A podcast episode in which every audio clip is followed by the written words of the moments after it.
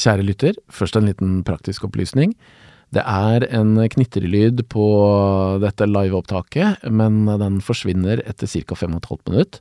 Så hvis du syns det er plagsomt, så anbefaler vi deg å spole fram til 5.30. Ellers ønsker vi deg en god lytting.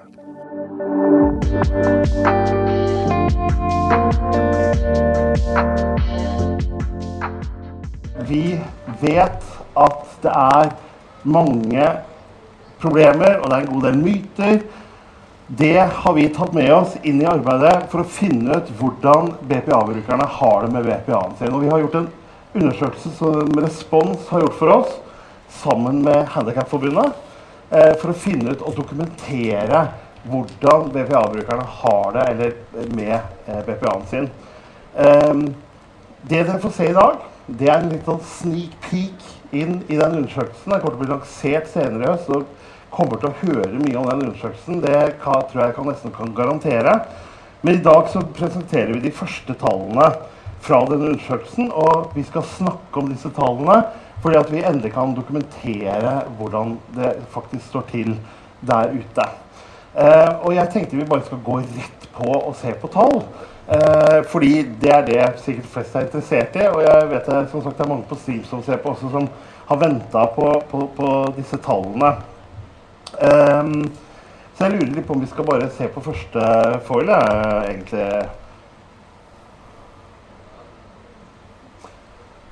Hvor mange ganger har du fått avslag på BPA-søknaden din? Her ser vi et stort antall har fått avslag, ikke bare én gang, men to til tre ganger. Eh, Jon Torp, du er en av de som har jobba lengst med BPA i Norge. Er du rundt 30 år? Ja, 30 år. Altså, er dette jeg, jeg, regner ikke med at dette er sjokkerende tall for deg, men er det overraskende at du holdt på med BPA så lenge at fortsatt så mange får avslag? Jeg ville jo ikke være sannferdig hvis jeg sa at jeg ble sjokkert og overrasket. Eh, jeg er ikke det. Dette bekrefter dessverre det som jeg har visst lenge. At det er mange som ønsker å styre sitt eget liv og som ønsker friheten som hvem som helst ellers i verden skal ha. Og som rett og slett får tommelen ned for det. Og her ikke bare én gang, men, men flere ganger. Tove Lea Brandvik, du er leder i Handikapforbundet. Det er vel ikke spesielt overraskende for deg heller, men hvorfor har du ikke fått gjort noe med det her? Kunnskap. Um, tydelige, uh, tydelig lovverk tydelige føringer. Mm.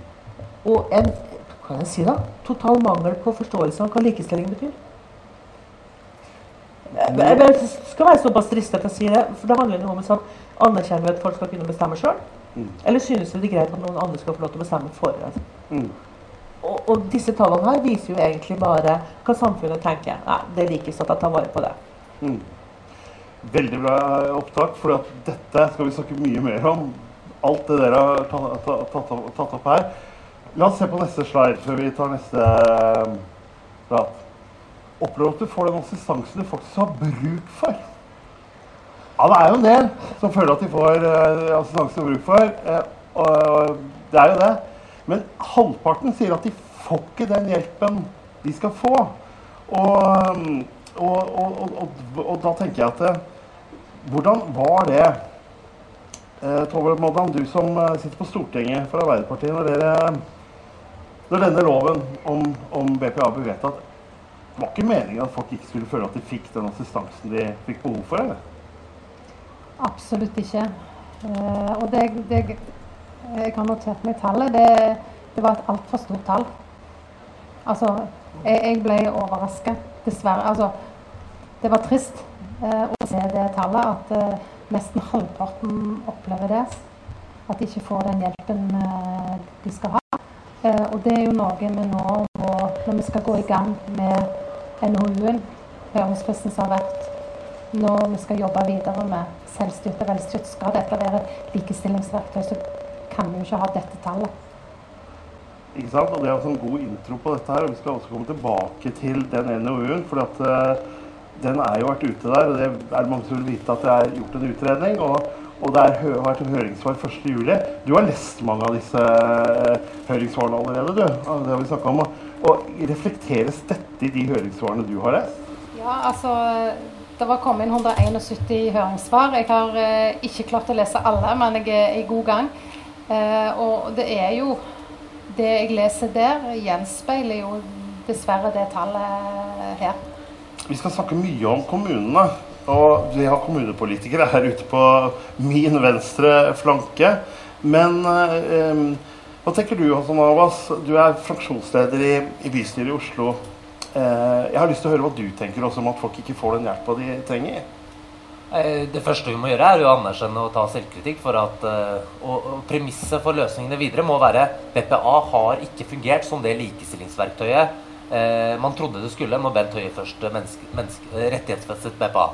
Det er veien å gå. Så syns jeg er flere spennende resonnementer fra NHO-en som er vel verdt å diskutere, og den har blitt minimalt diskutert helt siden den ble lagt frem, spesielt i nasjonale medier og blant folkevalgte. Så er jeg veldig glad man løfter den debatten. Men en ting vi eh, opplever som en stor utfordring, i, stor utfordring, i, Oslo, er jo eh, for det første det som blir tatt opp her, helt sentralt. Men det er også, eh, og det blir tatt opp i NOU-en også, om kommunene skal ha ansvaret lenger eller ikke. I Oslo så har vi tosifra antall bydeler. Og noe av det som er urovekkende, det har kommunerevisjonen dokumentert. Statsadvokaten har vært inne i bildet. Bydeler gir gang på gang avslag til mennesker som har tydelig krav på BPA, eh, i strid med loven. Så det eh, vi vil legge frem i løpet av høsten, det er et forslag hvor man sentraliserer eh, dette til helseetaten. Altså han har en sentral bestillerenhet som står for alle eh, tildelinger av eh, BPA eh, på tvers av bydelsgrensene. Og det mener jeg flere større kommuner i hvert fall har noe å lære av. For jeg er ikke i tvil om at det er veien å gå. Og så kan man gjerne si at ja, men da tar man makten fra lokale folkevalgte i bydelene. Men eh, hvis det bidrar til at eh, folk får de tingene de rett og slett har krav på, og at man får det likestillingsverktøyet man har snakket om i alle år, så mener jeg det er vel verdt et forsøk. Ville du fått økt livskvalitet om du hadde fått flere BPA-timer? Og her, det her er tallet Jeg må nesten si groteskt at eh, 72 eh, sier det. Du, du, du, er jo varaordfører i Grimstad, en annen kommune i nærheten her, Lene Angemyr, og, og, er opptatt av BPA. Jeg må jo spørre om deg også om disse tallene. Hva, hva tror du skyldes at vi får så ekstreme utslag som det er? Jeg synes det for det første synes det er kjempetrist. Jeg har vært veldig opptatt av at um, de som skal ha rett på det, skal få det. For det vi opplever, da, det er jo det at uh, uh, Som også det var her på svarprosenten, at det var veldig mange som, uh, som fikk avslag. Og det vil jo si en ting, at regelverket er veldig rigid, lite fleksibelt, og at det ikke er brukerne som faktisk legger premissene for hva de skal bruke BPA-en sin til. Men at det faktisk er regelverket som setter en stopper for deg. Og det er jo veldig bra. Kan jo også Arbeiderpartiet ta med seg inn i regjering i denne NOU-en og se på fleksibiliteten innenfor de rammevilkårene vi har å jobbe med. Så det er rammevilkårene som, som sørger for at dette blir vanskelig? Ja, så er det jo veldig individuelt hvem som selvfølgelig saksbehandler. Det, jo, det kan jo ikke jeg ta utgangspunktet i. Men vi ser jo det at eh, Jeg har et mantra. Du skal lete etter grunner og si ja, og ikke nei. Og det bør, tror jeg også flere kommuner bør, eh, bør, forholde seg til. Ja, for Det kan jo virke som ikke kommunene tar dette likestillingsperspektivet på alvor, da, når så mange ikke får dette får opplevd livskvalitet. Jeg tror nok at de tar det på alvor. Jeg tror også, som Handikapforbundet var inne på, at det handler litt om kunnskap og litt om den, den situasjonen eh, personen er i. For det er så individuelt når de har behov for det. Så jeg tror nok de tar det alvorlig, men så har vi også et finansieringsproblem. Og det er jo nettopp det at det er kommunene som tar regninga her. Og når det blir en økt befolkningsvekst, flere bor eh, hjemme, flere har behov for assistanse, så går det også utover kommunebudsjettet og prioriteringer til andre områder. Selv om det er på lovpålagt. Så derfor vi ønske egentlig også at vi kunne fått en eh, subsidiering på en eh, måte fra staten for å innvilge god livskvalitet for de som trenger det. Eh, man må bare starte med å innrømme at dette handler om kommuneøkonomi. Det er derfor er vi der. Fordi man har en kommuneøkonomi i dag og en finansieringsmodell som legger opp til at eh, enkelte kommuner, for å si det på en brutalt vis eh, Jeg skjønner at noen i hvert fall har et inntrykk av det, nesten bruker det her som et salderingspost. Det, det, det gjør vondt å si det, men det er inntrykket mange har. Og, og, jeg forstår det til en viss grad når man ser de tallene man ser, eh, og hører de historiene. Og eh, Det skulle jeg gjerne likt å se mer av, altså løsningen på, i NOU-en.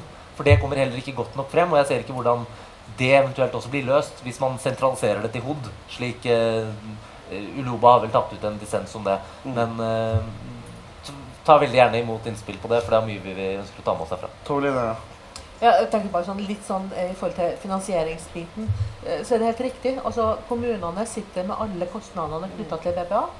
Mens hvis, hvis, jeg da får lov til å være likestilt, kun gå på jobb, kan være mamma, bestemor, gjøre alle de tingene, så har samfunnet en verdi av det. Både f.eks. ikke uføretrygd, eller at min mann kan være i full jobb, eller at mine barn kan Altså, Det er en samfunnsgevinst i det. Men kommunen vil jo ikke få den samfunnsgevinsten i kroner og øre til å bruke på noe annet. For det er en annen del av det nasjonale systemet som får. Og det er litt av utfordringa. Når de dissensene, Det var ikke bare Uloba, det var, vi var flere i dissensen. Men poenget er at det må være forutsigbarhet i forhold til å finansiere. For hvis vi ikke har et system i dag som klarer å sørge for at folk får rett på det de skal ha, og det skyldes penger, for det tror jeg altså hvis vi pirker litt mye i dette her, så er det holdninger, men det kommer òg ned til kroner og øre. Og det er ikke nødvendigvis sant at det er dyrere, men det er ikke sånn nødvendigvis at kommunen alene tjener på det, men samfunnet tjener på det. Og da må vi vri på det. Så vi har gitt et forslag til hvordan det kan gjøres. Det er bra. Eh, vi ruller av gårde med tall, for vi får mye muligheter til å prate om ting. Her er det snakk om hvilke assistansebehov eh, får du i dag ikke oppfylt i god nok grad grunnet for få BPA-timer. Og, og, her ser vi at det, det er eh, fritidsinteresser og hobbyer. Og ikke minst dette med å delta i samfunnslivet.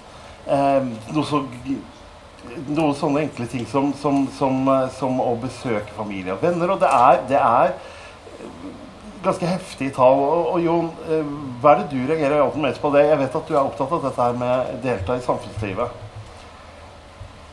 Jeg vet nærmere ikke hva jeg, jeg, blir mest lei meg for. Det, det, er liksom Det ene er nesten verre, verre enn det andre.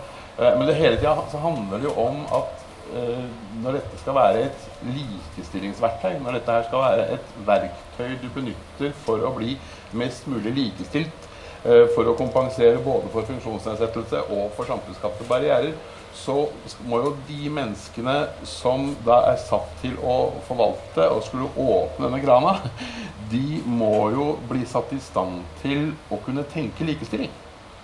Eh, og hvis du tenker etter, så er det ganske urettferdig på en måte å tenke at det skal sitte da beslutningstakere rundt omkring i hvor mange kommuner har vi? 300 et eller annet. Eh, og skulle eh, tenke likestilling. fordi det er jo ikke de utdanna til. Det kan de jo ikke, i rettferdighetens navn.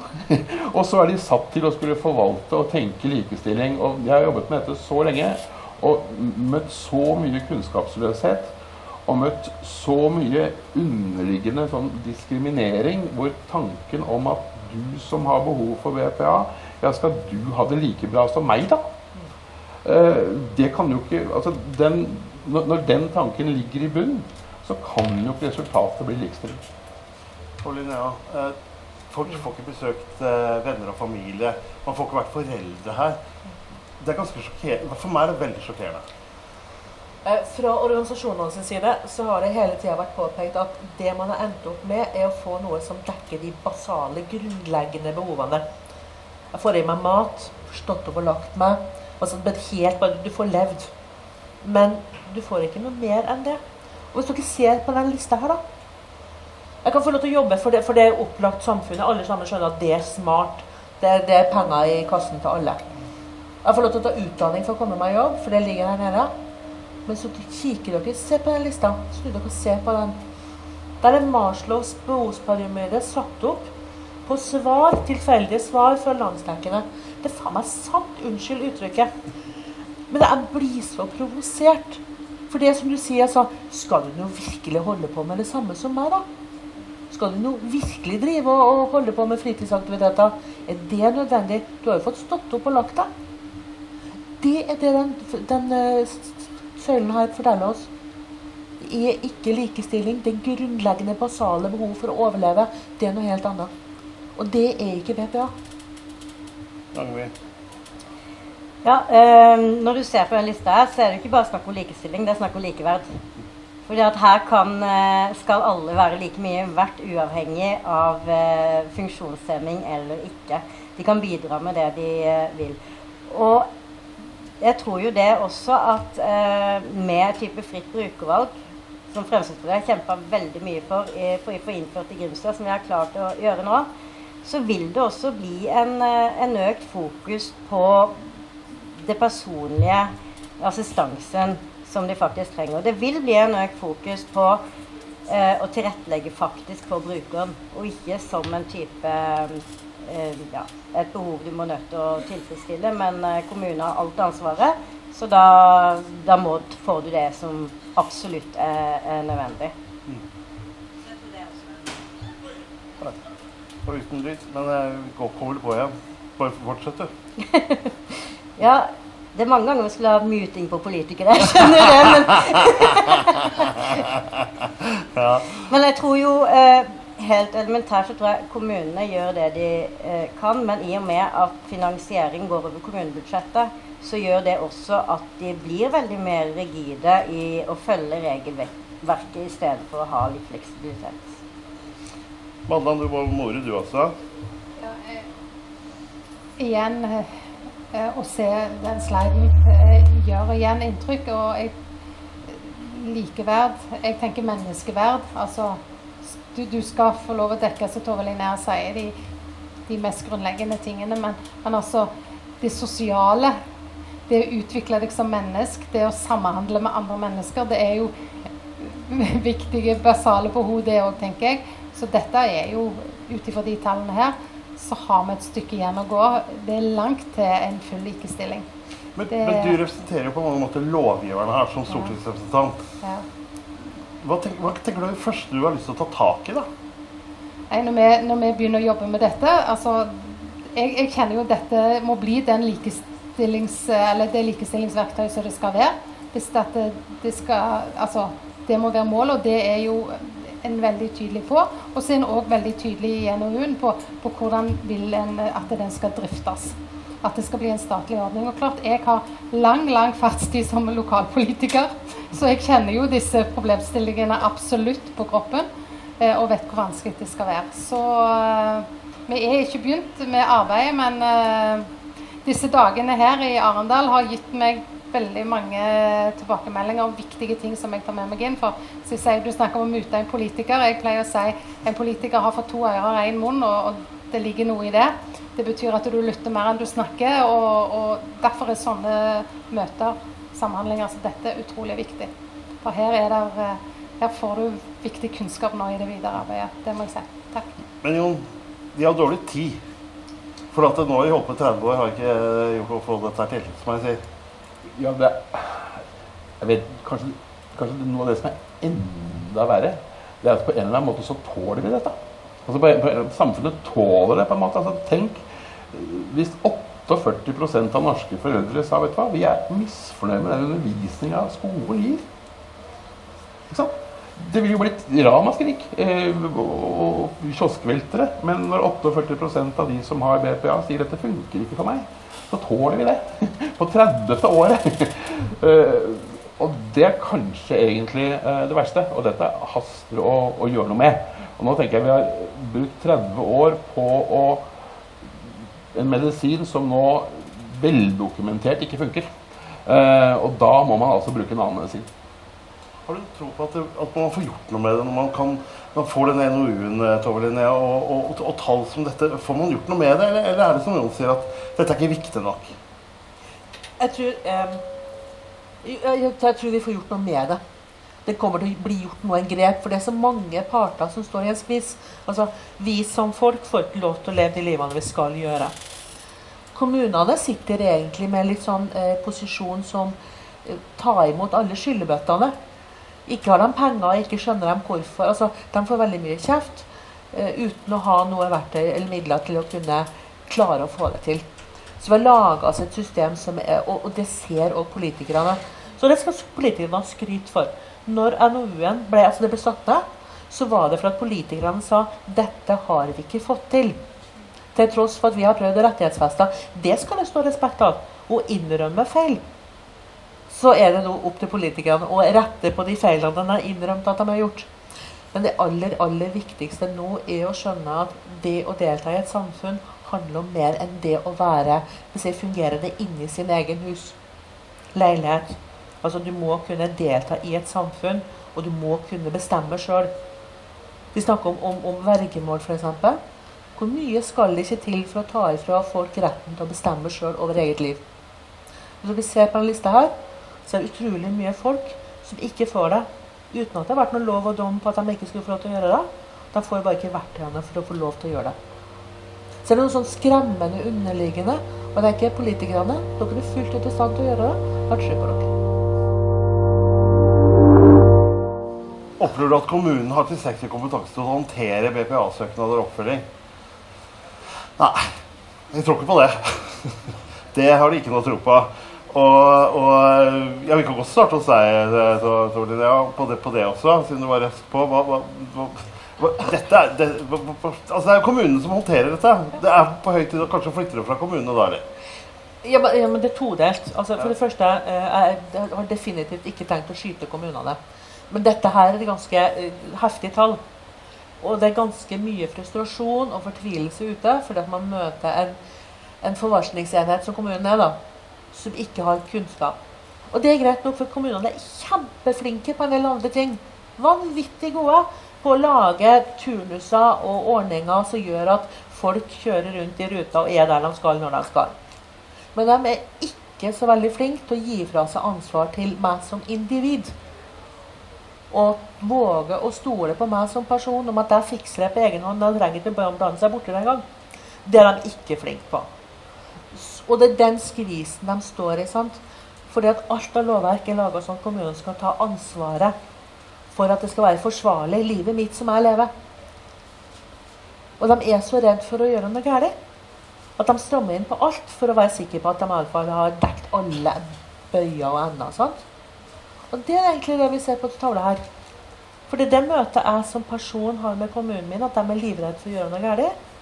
Og de er livredde for å gi meg ansvaret i tilfelle at jeg begynner å tulle med et eller annet. Og jeg har hatt BPA siden 96, så jeg kan love noe tull har det vært opp gjennom årene. Gjort ting som jeg tror helsemyndighetene hadde tenkt at nei, over dette var ikke så smart. Men det er ikke kommunene gode på. Og det står det ganske mye om i NOU-en, så jeg syns det er litt verdt å lese det. Vi har sagt Nasjonalt kompetansesenter. For det er sånn at 365 ulike kommuner, ikke alle så veldig store at de har bydeler som Oslo har, og klart å ha kompetanse på noe som er så utafor det kommunen ellers driver med, er vanskelig. Ja, da får vi samle kompetansen og sørge for at jeg får tilgang på den. Hvis det må være i kommunene. Ja, eh, kompetanse, det har de nok, de som arbeider med det i en kommune. Men igjen, da. Det er jo dette her med det rigide regelverket kontra pengesekken eh, som man kommer tilbake til hele tiden.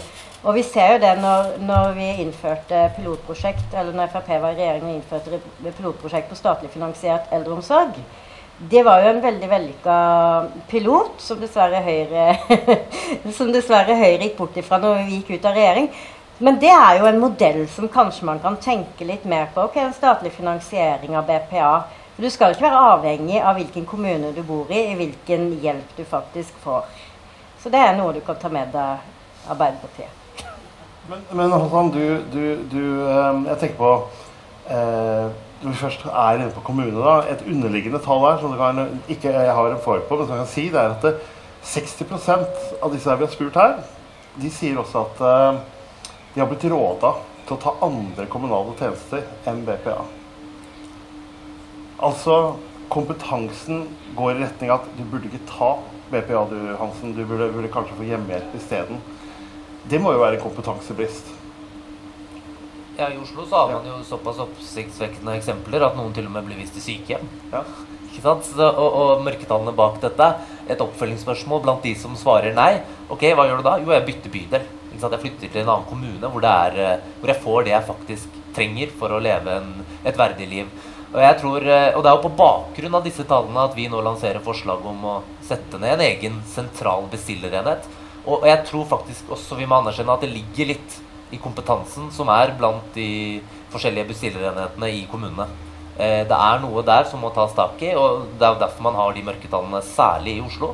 Eh, og, jeg er ikke i tvil om at helseetaten, hvis man setter en egen task force som jobber kun med dette, målretta, enten det er de som allerede jobber i bydelene, eh, så vil det sikre mer likeverd og likestilte tjenester. Så det er både økonomi det er og kompetanse som er vilst, da. Ikke sant? Valdan? Ja. Jeg, jeg, har først lyst til å begynne med at uh, ja, Vi skal ikke drive partipolitikk her, men, men statlig uh, eldreomsorg var kanskje ikke så vellykka som det høres ut til. Det var ikke så veldig mange kommuner som, som, var med på prosjektet, men la det ligge. Nå snakker vi om BPA. Uh, jeg håper både som den fortiden jeg har som lokalpolitiker og nå på Stortinget, at vi ikke får en sånn diskusjon her at eh, det blir eh, altså BPA kontra andre kommunale tjenester. Altså Det er bred politisk enighet blant alle partier at BPA er en ordning vi vil ha. Og, må, og det er jeg veldig, veldig glad for. Og så må vi få innretta den så bra og så godt som mulig. Og jeg mener denne NOU-en som ligger, som gir så klare føringer på hvordan veien kan gå videre, det er et godt verktøy til å begynne arbeidet. Og så, så håper jeg at vi, vi kommer dit hen at vi er i 2022. Og da, da, er det bare igjen bare vondt å se at eh, en ikke har kommet lenger på likestillingsfeltet. Altså Vi er så opptatt av det. det. det. må ikke bli bare alle de fine talene, og, ja.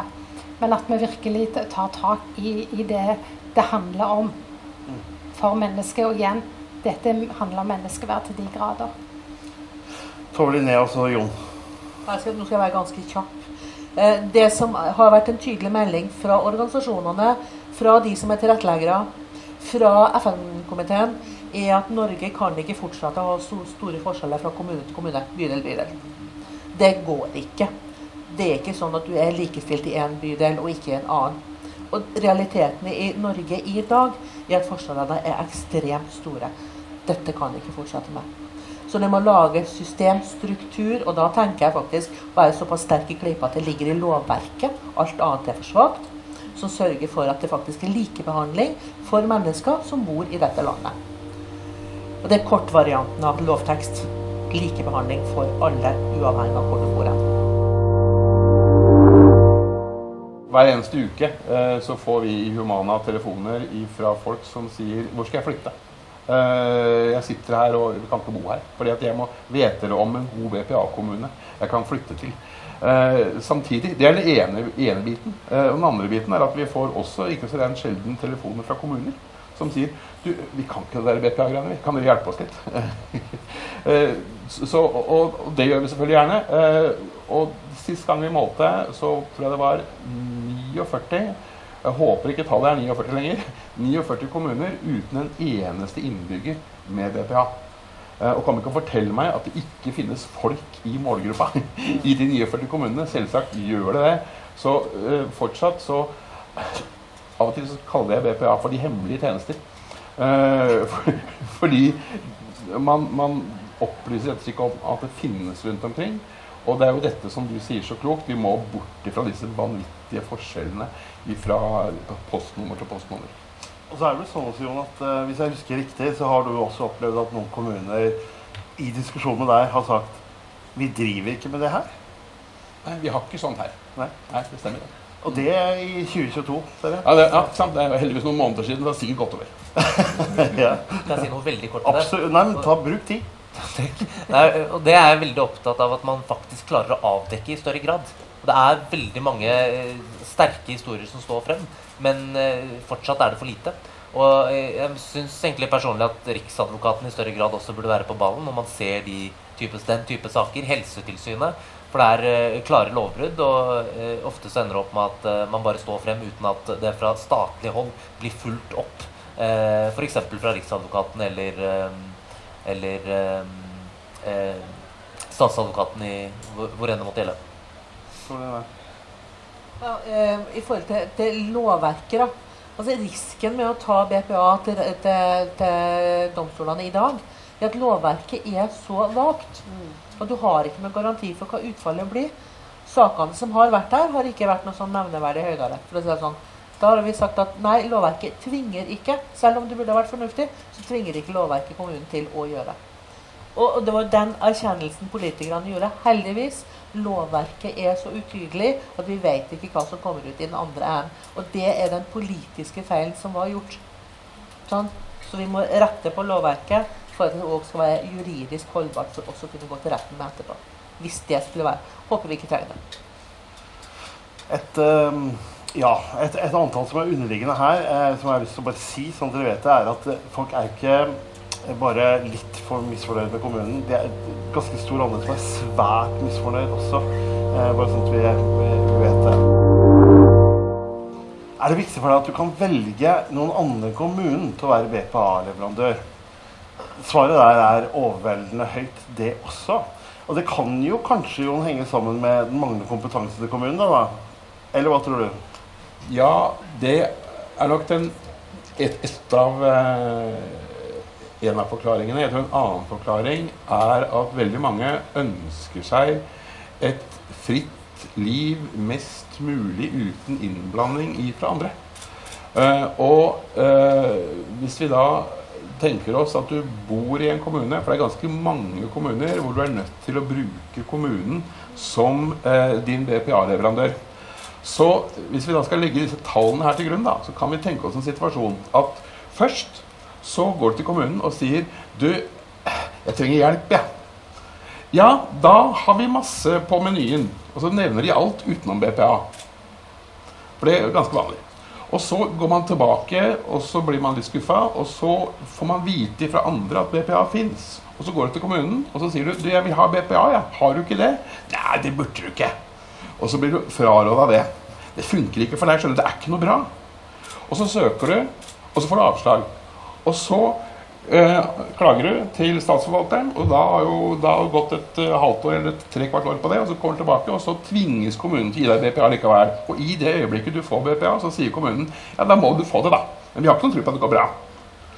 Og så har denne kommunen ganske lav BPA-kompetanse, og så får du BPA. Og så må du velge kommunen, og så har de lav kompetanse som sagt, og gir deg null og niks opplæring i hvordan du skal forvalte dette verktøyet. Og da går det selvfølgelig i grøfta. Og da kan kommunen si ja, hva er det vi sa? Det går jo ikke, dette. Dette er hverdagen for en del. Men sånn er ikke Grimstad, regner med, Langeland, hvor det, det Fremskrittspartiet sier eh, nei, heldigvis. Jeg tror kommuneadministrasjonen er drittlei at jeg kommer og maser på det hele tiden, men nå har vi fått gjennomført det. Så eh, det er jeg veldig glad for. For det, hele essensen for et verdig liv, uavhengig om du har behov for BPA eller ikke, det er jo valgfrihet det er jo det at du kan velge om du vil sitte og høre på denne debatten eller være ute i en annen debatt. Altså, det skal du jo også kunne gjøre selv om du er funksjonshemmet. Og da med en, eh, en, valgfrihet innenfor BPA, så kan du sjøl velge i mye større grad eh, hva slags leverandør du ønsker å ha. Hvis ikke du er fornøyd med den, nei vel, så bytter du, da. Så enkelt er det. Og det tilstreber jo for å gi god kvalitet, det ene. Men du får folk du faktisk ønsker å ha der. For det er mange ganger ganske intime ting. og og, og personlig sfæren du skal inn på. Og da skal du ikke bare bli tildelt en tilfeldig som ikke du nødvendigvis ønsker å ha der. Så det er kjempeviktig med fritt brukervalg. Syns dere det er viktig også i Handikapforbundet at dette valgfriheten er større? Ja. Eh, og det handler, det handler, både om Jeg snakka tidligere om, om, eh, hvilken type kompetanse. Hva er kommunene ordentlig gode på? Jo, de er ordentlig gode til å ta ansvaret for meg. sant?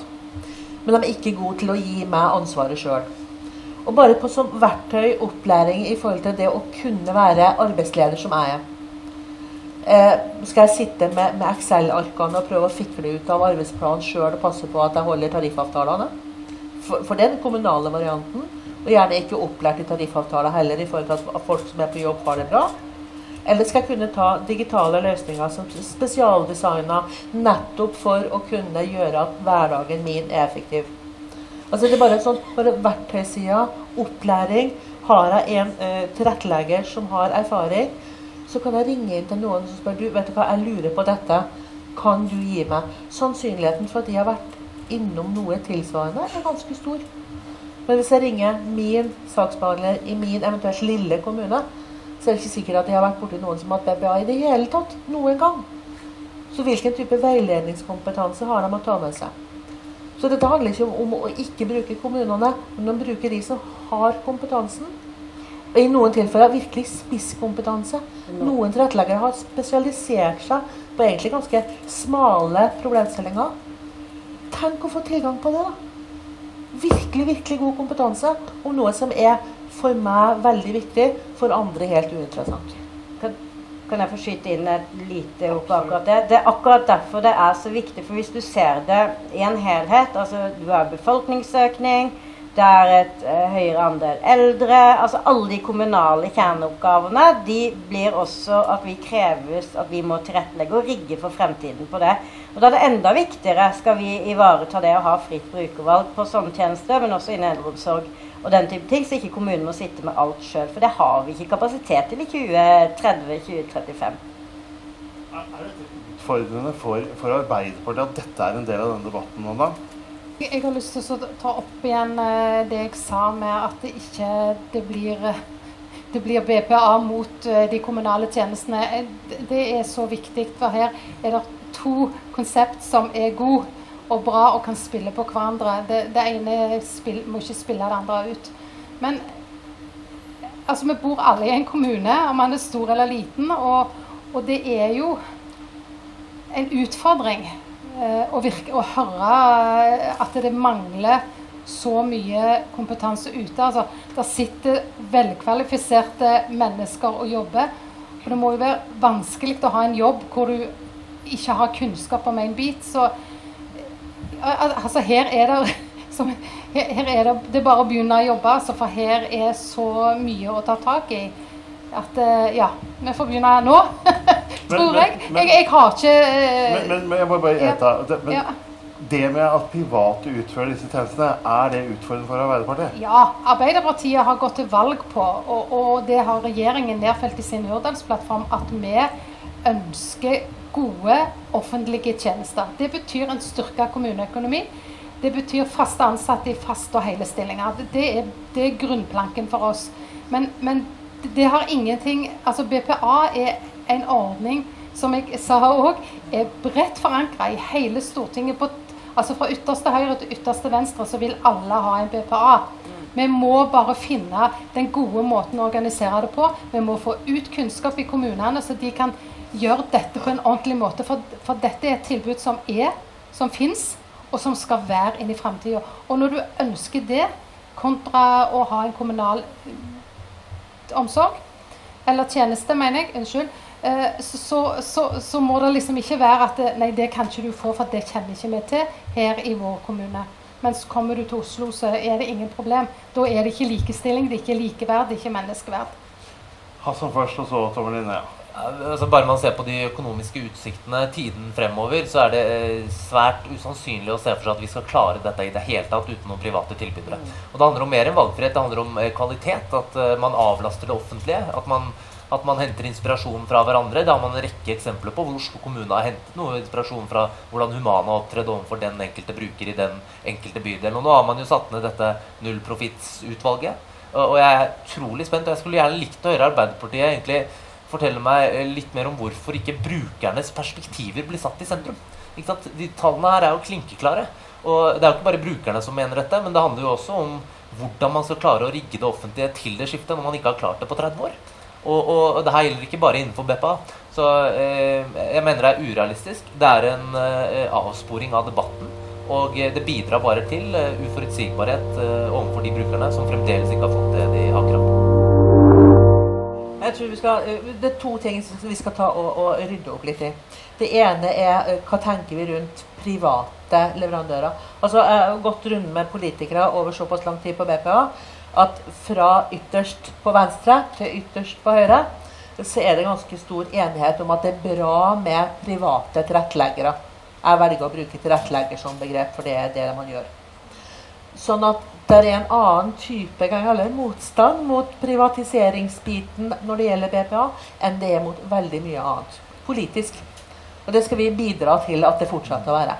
Den andre biten er at dette her handler jo faktisk om at eh, altså Si høyre- og venstrefløya, da. Så er det jo ganske mye som venstrefløya òg har kaller privatisert. Altså Fastlegene er jo en privat ordning. Eh, det er mye tannleger. altså det, er veldig mange helsetilknytta ordninger som er der. Siste biten. Ikke la dette her bli en debatt om kommunale tjenester, de andre kommunale tjenestene og BPA. Altså vær så snill, for Dette er et likestillingsverktøy, men det betyr ikke at andre tjenester ikke har verdi. Så, så la det aldri være forstått av, altså fra oss som organisasjoner heller. Dette er ikke en kamp mot andre tjenester. Dette er en kamp for noe.